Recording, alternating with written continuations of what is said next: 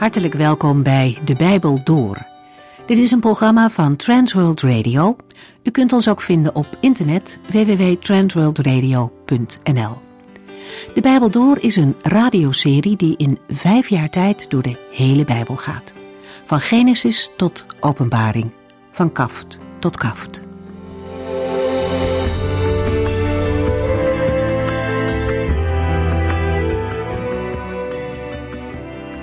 We lezen in het boek van de profeet Nahum. Hij heeft een boodschap van de Heere ontvangen over Nineveh, de hoofdstad van de Assyrische grootmacht. Na de psalm waarmee Nahum de profetie inleidt, komt de toepassing voor Assyrië. Wat voor plannen bent u tegen de Heere aan het beramen? vraagt de profeet namens God. En meteen volgt het antwoord: De Heere zal er in één klap een einde aan maken. De Assyriërs zijn overmoedig en voelen zich onaantastbaar. En voor de God van Israël zijn ze niet bang. Maar ze vergeten de lessen uit het verleden. De Heere had hen in de dagen van koning Sanherib al duidelijk laten zien wat er gebeurt wanneer hij het voor zijn volk opneemt. Toen ontkwam nog een deel van de mensen, maar deze keer zal de Heere definitief een einde maken aan de plannen van de Assyriërs. Hij zal geen tweede keer hoeven optreden, zegt de profeet er nog bij. Tegenover de oppermachtige God is het machtige Assyrië meer dan hulpeloos. Dat wordt in verschillende beelden uitgewerkt. Het is niet zo dat de Heer er plezier in heeft om met zijn vijanden af te rekenen, want hij ziet liever dat ze tot inkeer komen. Maar als de maat vol is en er geen verandering is, dan staat het vonnis vast. Geen mens, hoe hoog geplaatst in de wereld hij ook is, kan een loopje met de Heeren nemen. Het ergste kwaad van Gods vijanden is dat zij geluisterd hebben naar een verderfelijke raadsman, iemand die een complot smeden tegen de Heeren. In de Hebreeuwse tekst lezen we voor verderfelijke raadsman een raadsman als Belial. De naam Belial betekent zoiets als nietsnut, een handlanger van de boze en soms de boze, de duivel zelf. In Nineveh hebben ze ruimte geboden aan deze raadsman van de duivel, die erop uit is God van zijn eer te beroven en Gods volk naar de ondergang te leiden. Misschien hebben de Assyriërs het zelf niet eens doorgehad, maar daarom is het nog wel zo. En dan spreekt de Heere zelf. Tegenover het complot en de boze plannen die tegen God en zijn volk worden beraamd, neemt hij zelf het woord. Hij zal volledig afrekenen met de vijanden van zijn volk en hij zal zijn eigen volk redden. We gaan verder in het tweede hoofdstuk van Naren.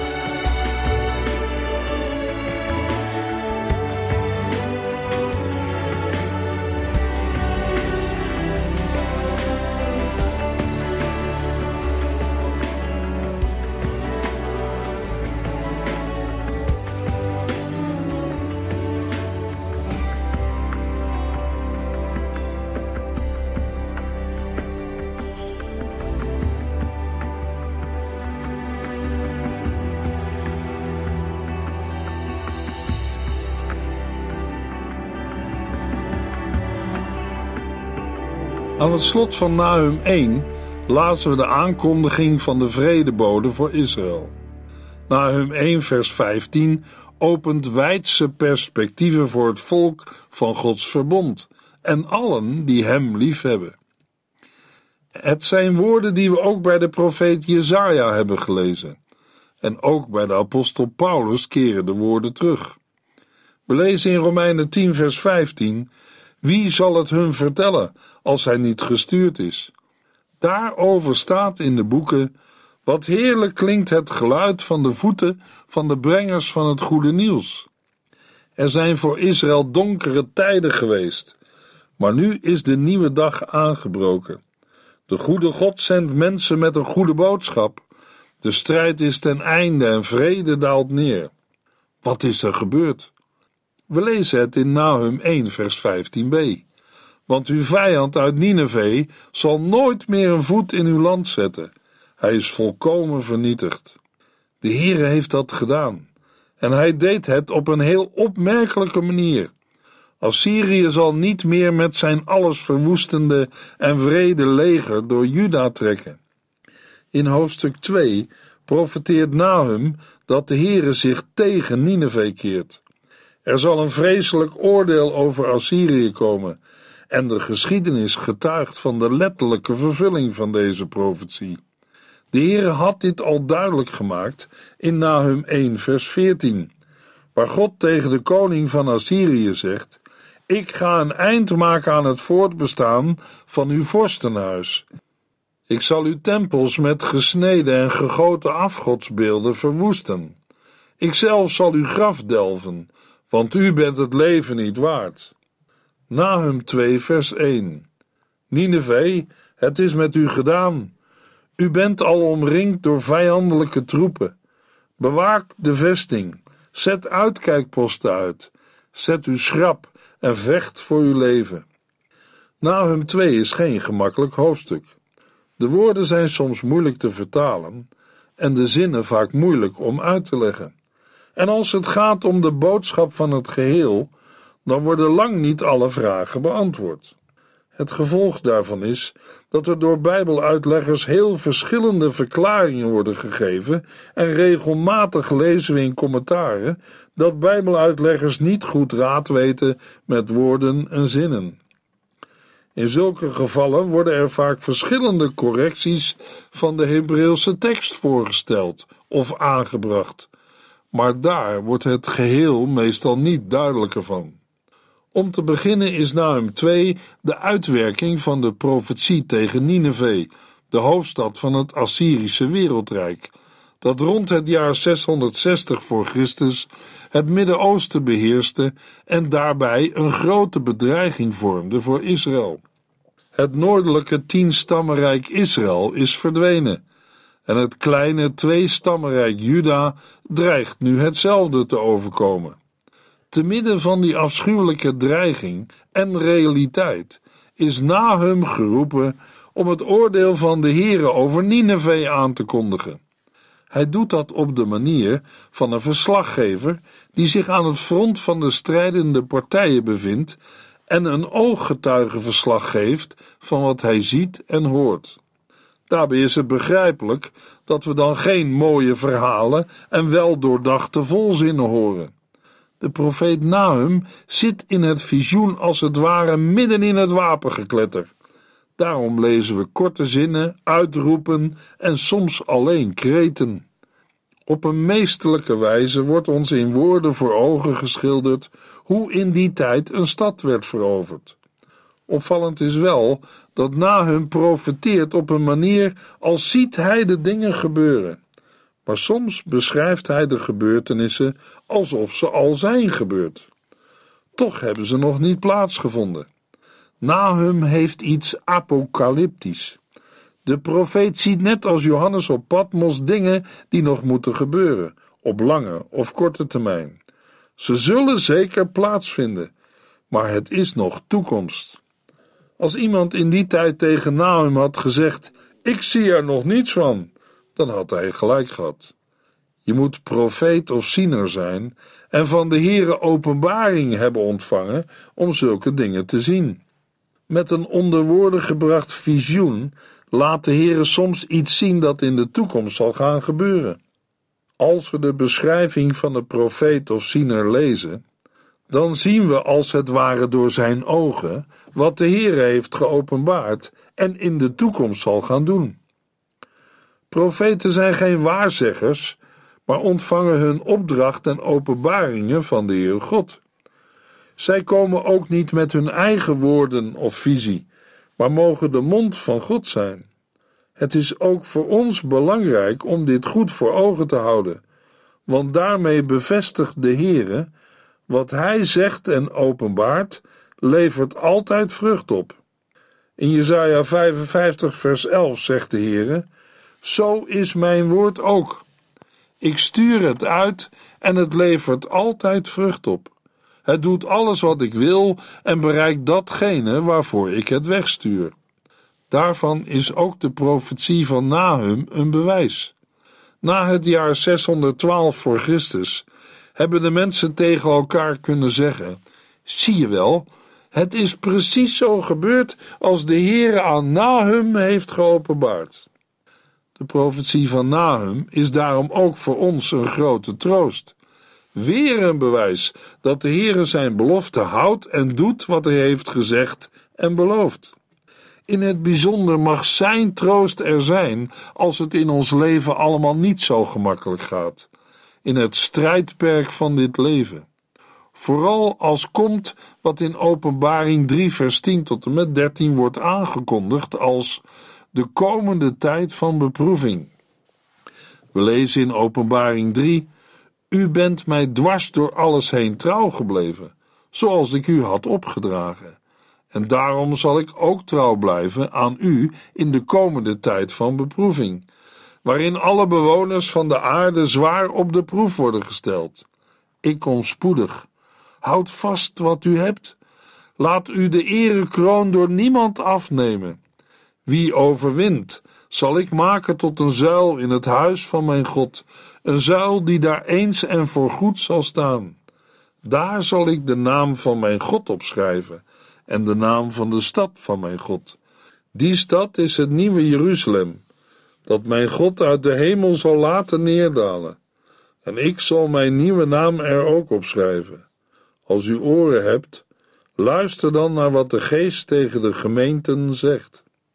Als de komende tijd van beproeving, waarin alle bewoners van de aarde zwaar op de proef worden gesteld, over de wereld komt, en de antichrist zijn triomfen zal vieren, zal Gods volk en gemeente naar dit kleine profetenboekje mogen grijpen, om erdoor vertroost te mogen worden, als alle bewoners van de aarde zwaar op de proef worden gesteld.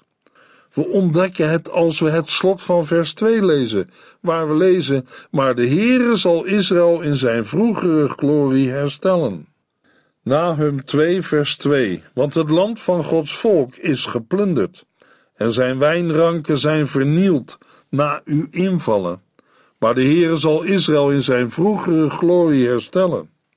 De eerste helft van vers 2 is een moeilijk te vertalen vers. In een andere vertaling lezen we: Voorzeker, de Heere zal de glorie van Jacob herstellen, zoals de glorie van Israël. Want plunderaars hebben hen geplunderd en hun wijnranken te gronden gericht. Wat de profeet hier duidelijk wil maken is dat de Heere die zijn vijanden vernietigt, de vroegere glorie van Israël zal herstellen. God neemt het voor zijn volk op. Maar wie worden er met de namen Jacob en Israël bedoeld? Bijbeluitleggers menen dat hier zowel gesproken wordt van het noordelijke tienstammenrijk Israël als ook van het zuidelijke tweestammenrijk Juda. Maar het is niet nodig om de tekst zo te lezen.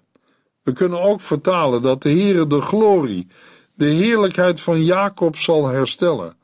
En de herhaling daarvan met de naam Israël betekent een onderstreping van die belofte. Hoe zal de Heere Israël verlossen van de vijanden? De vijand is bekend. In Nahum 1 vers 1 hebben we het gelezen. Nineveh, de hoofdstad van Assyrië. Opvallend is wel dat de naam Nineveh pas in Nahum 2 vers 8 voor het eerst weer terugkomt. Wij weten dat de Heere de Babyloniërs heeft gebruikt om Assyrië te verslaan en Nineveh te verwoesten. Maar de naam van de Babyloniërs wordt niet één keer genoemd. Dit simpele detail laat iets zien van het karakter van de profetie. Profetie is geen toekomstvoorspelling, zodat wij kunnen bepalen wanneer en hoe de voorspelling wordt vervuld. Het gaat bij profetie niet om de vraag: klopt het wel? De bedoeling is dat Gods volk, als de dingen gebeuren, het hoofd omhoog heffen en zich zullen herinneren en zeggen: Het gaat zoals de Heer het heeft voorzegd.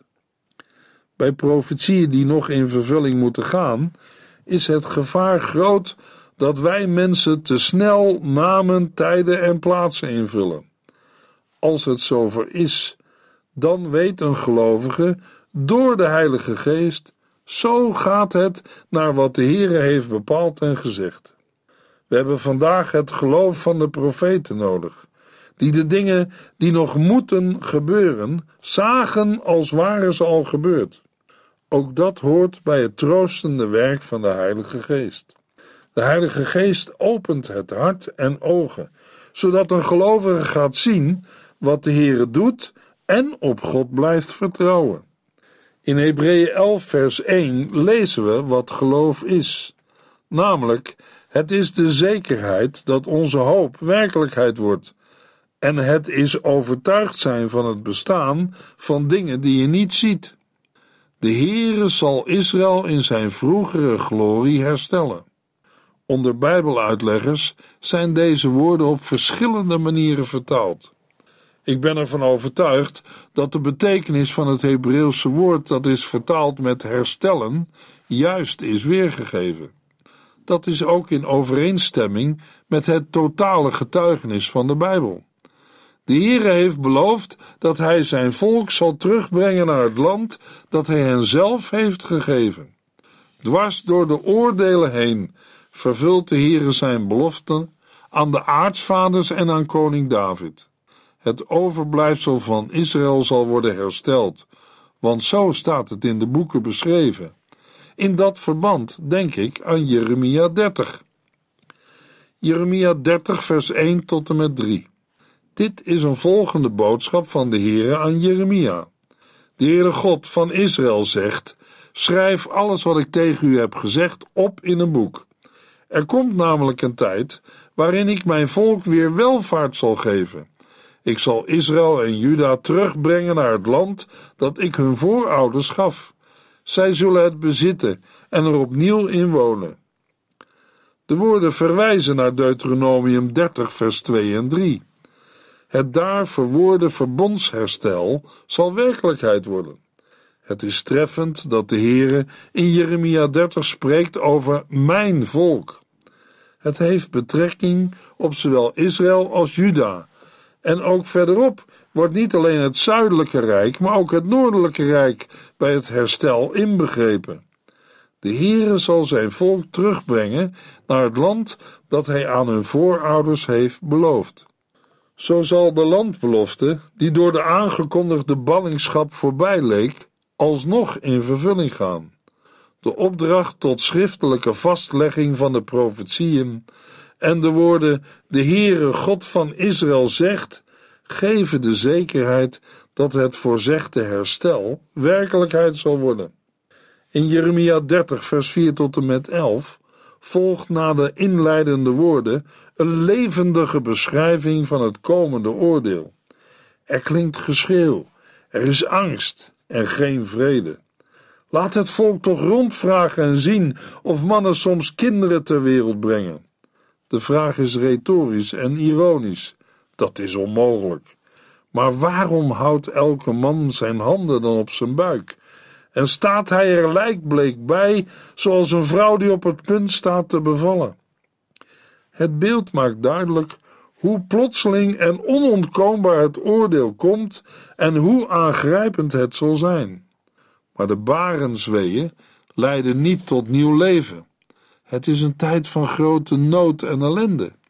Deze uitzichtloosheid wordt onderstreept door de woorden: Ach, is er in de hele geschiedenis ooit een tijd van angst geweest, zoals die nu in aantocht is?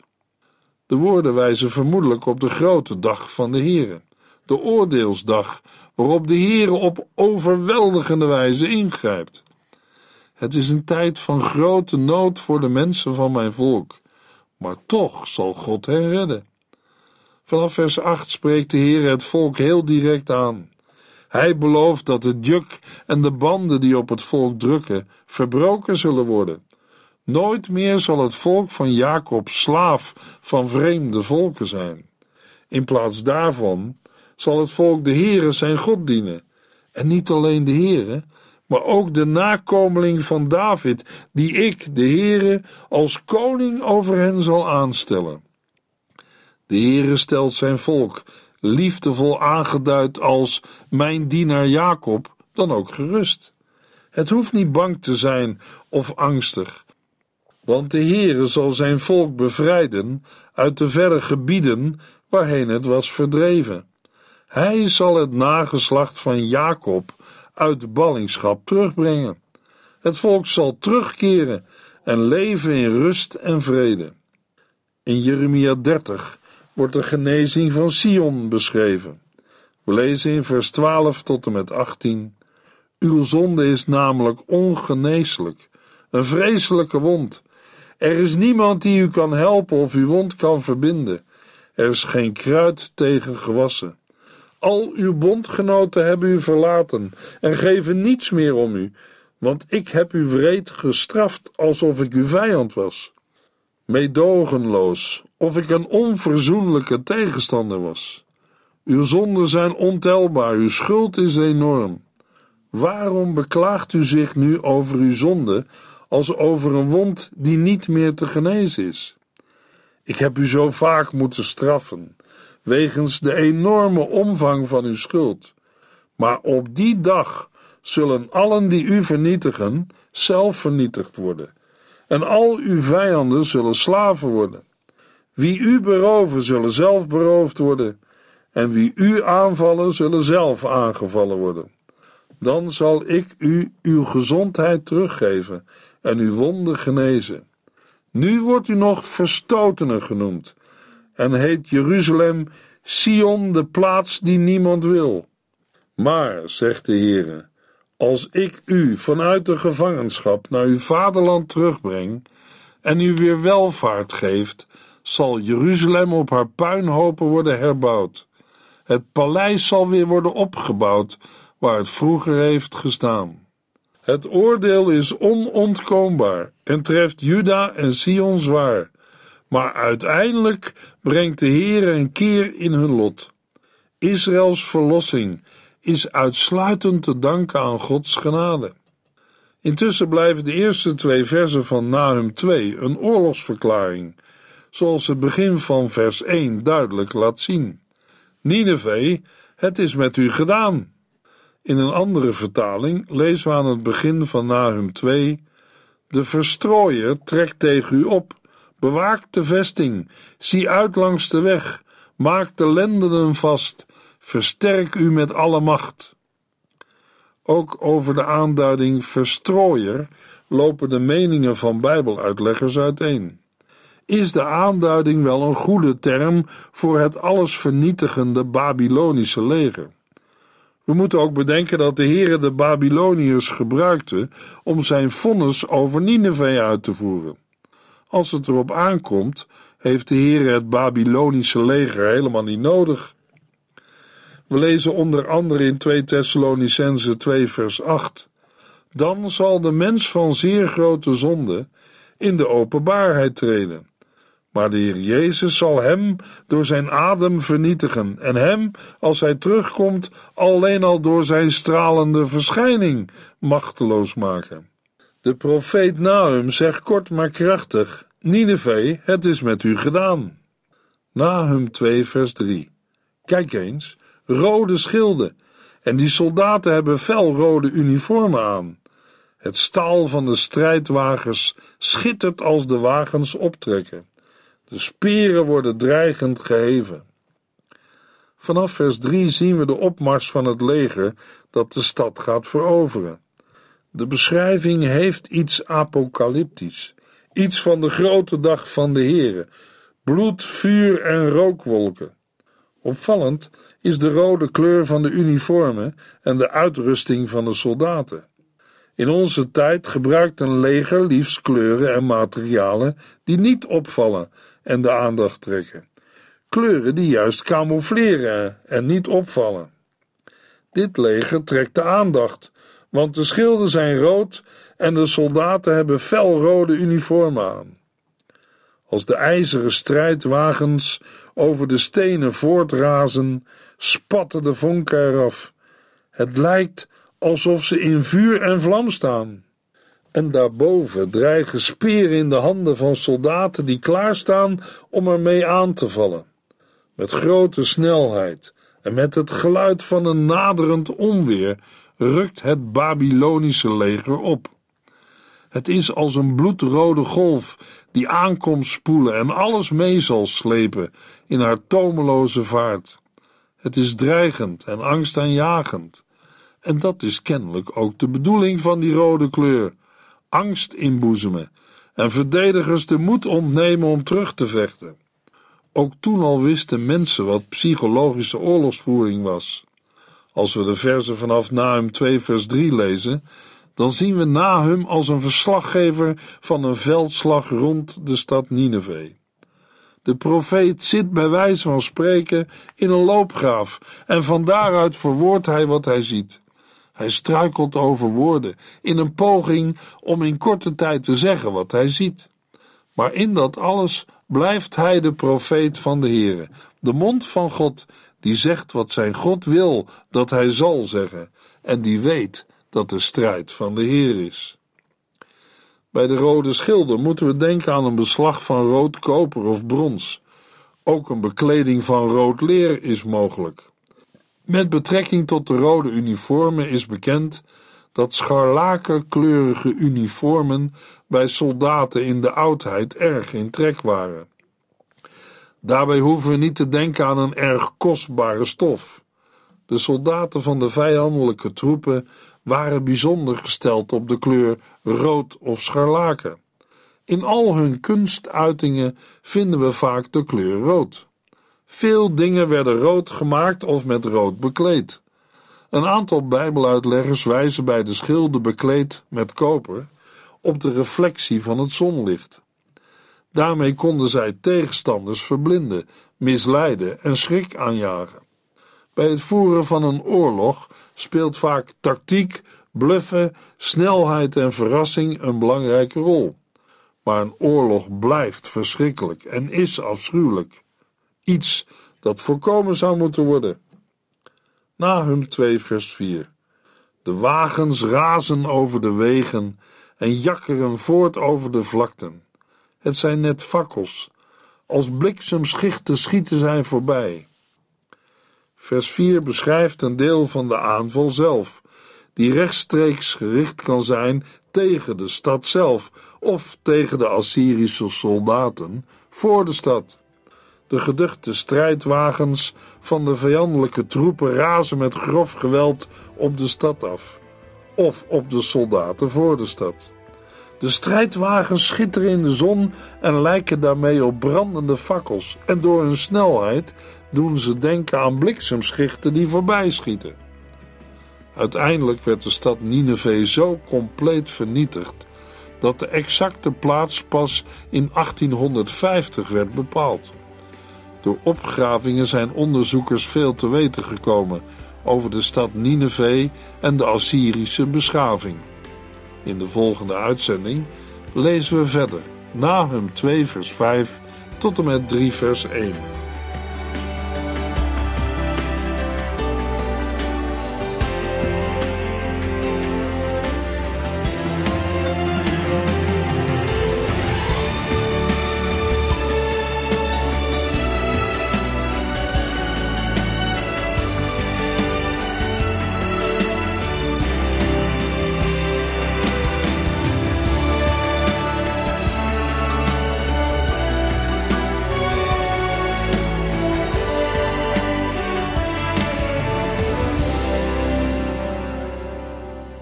Eindigt deze aflevering van De Bijbel Door. Een serie programma's van Transworld Radio. Wilt u ons iets vragen of meer weten? Dan kunt u altijd contact met ons opnemen. Bellen kan overdag met 0342 478432. Per post Transworld Radio. Postbus 371. Postcode 3770. Anton Johannes in Barneveld. En e-mailen kan ook. De Bijbel door at transworldradio.nl En natuurlijk ook via onze website transworldradio.nl Dit programma werd gepresenteerd door Cor Weda en Ike André. En namens iedereen die er nog meer aan meegewerkt heeft, graag tot de volgende keer.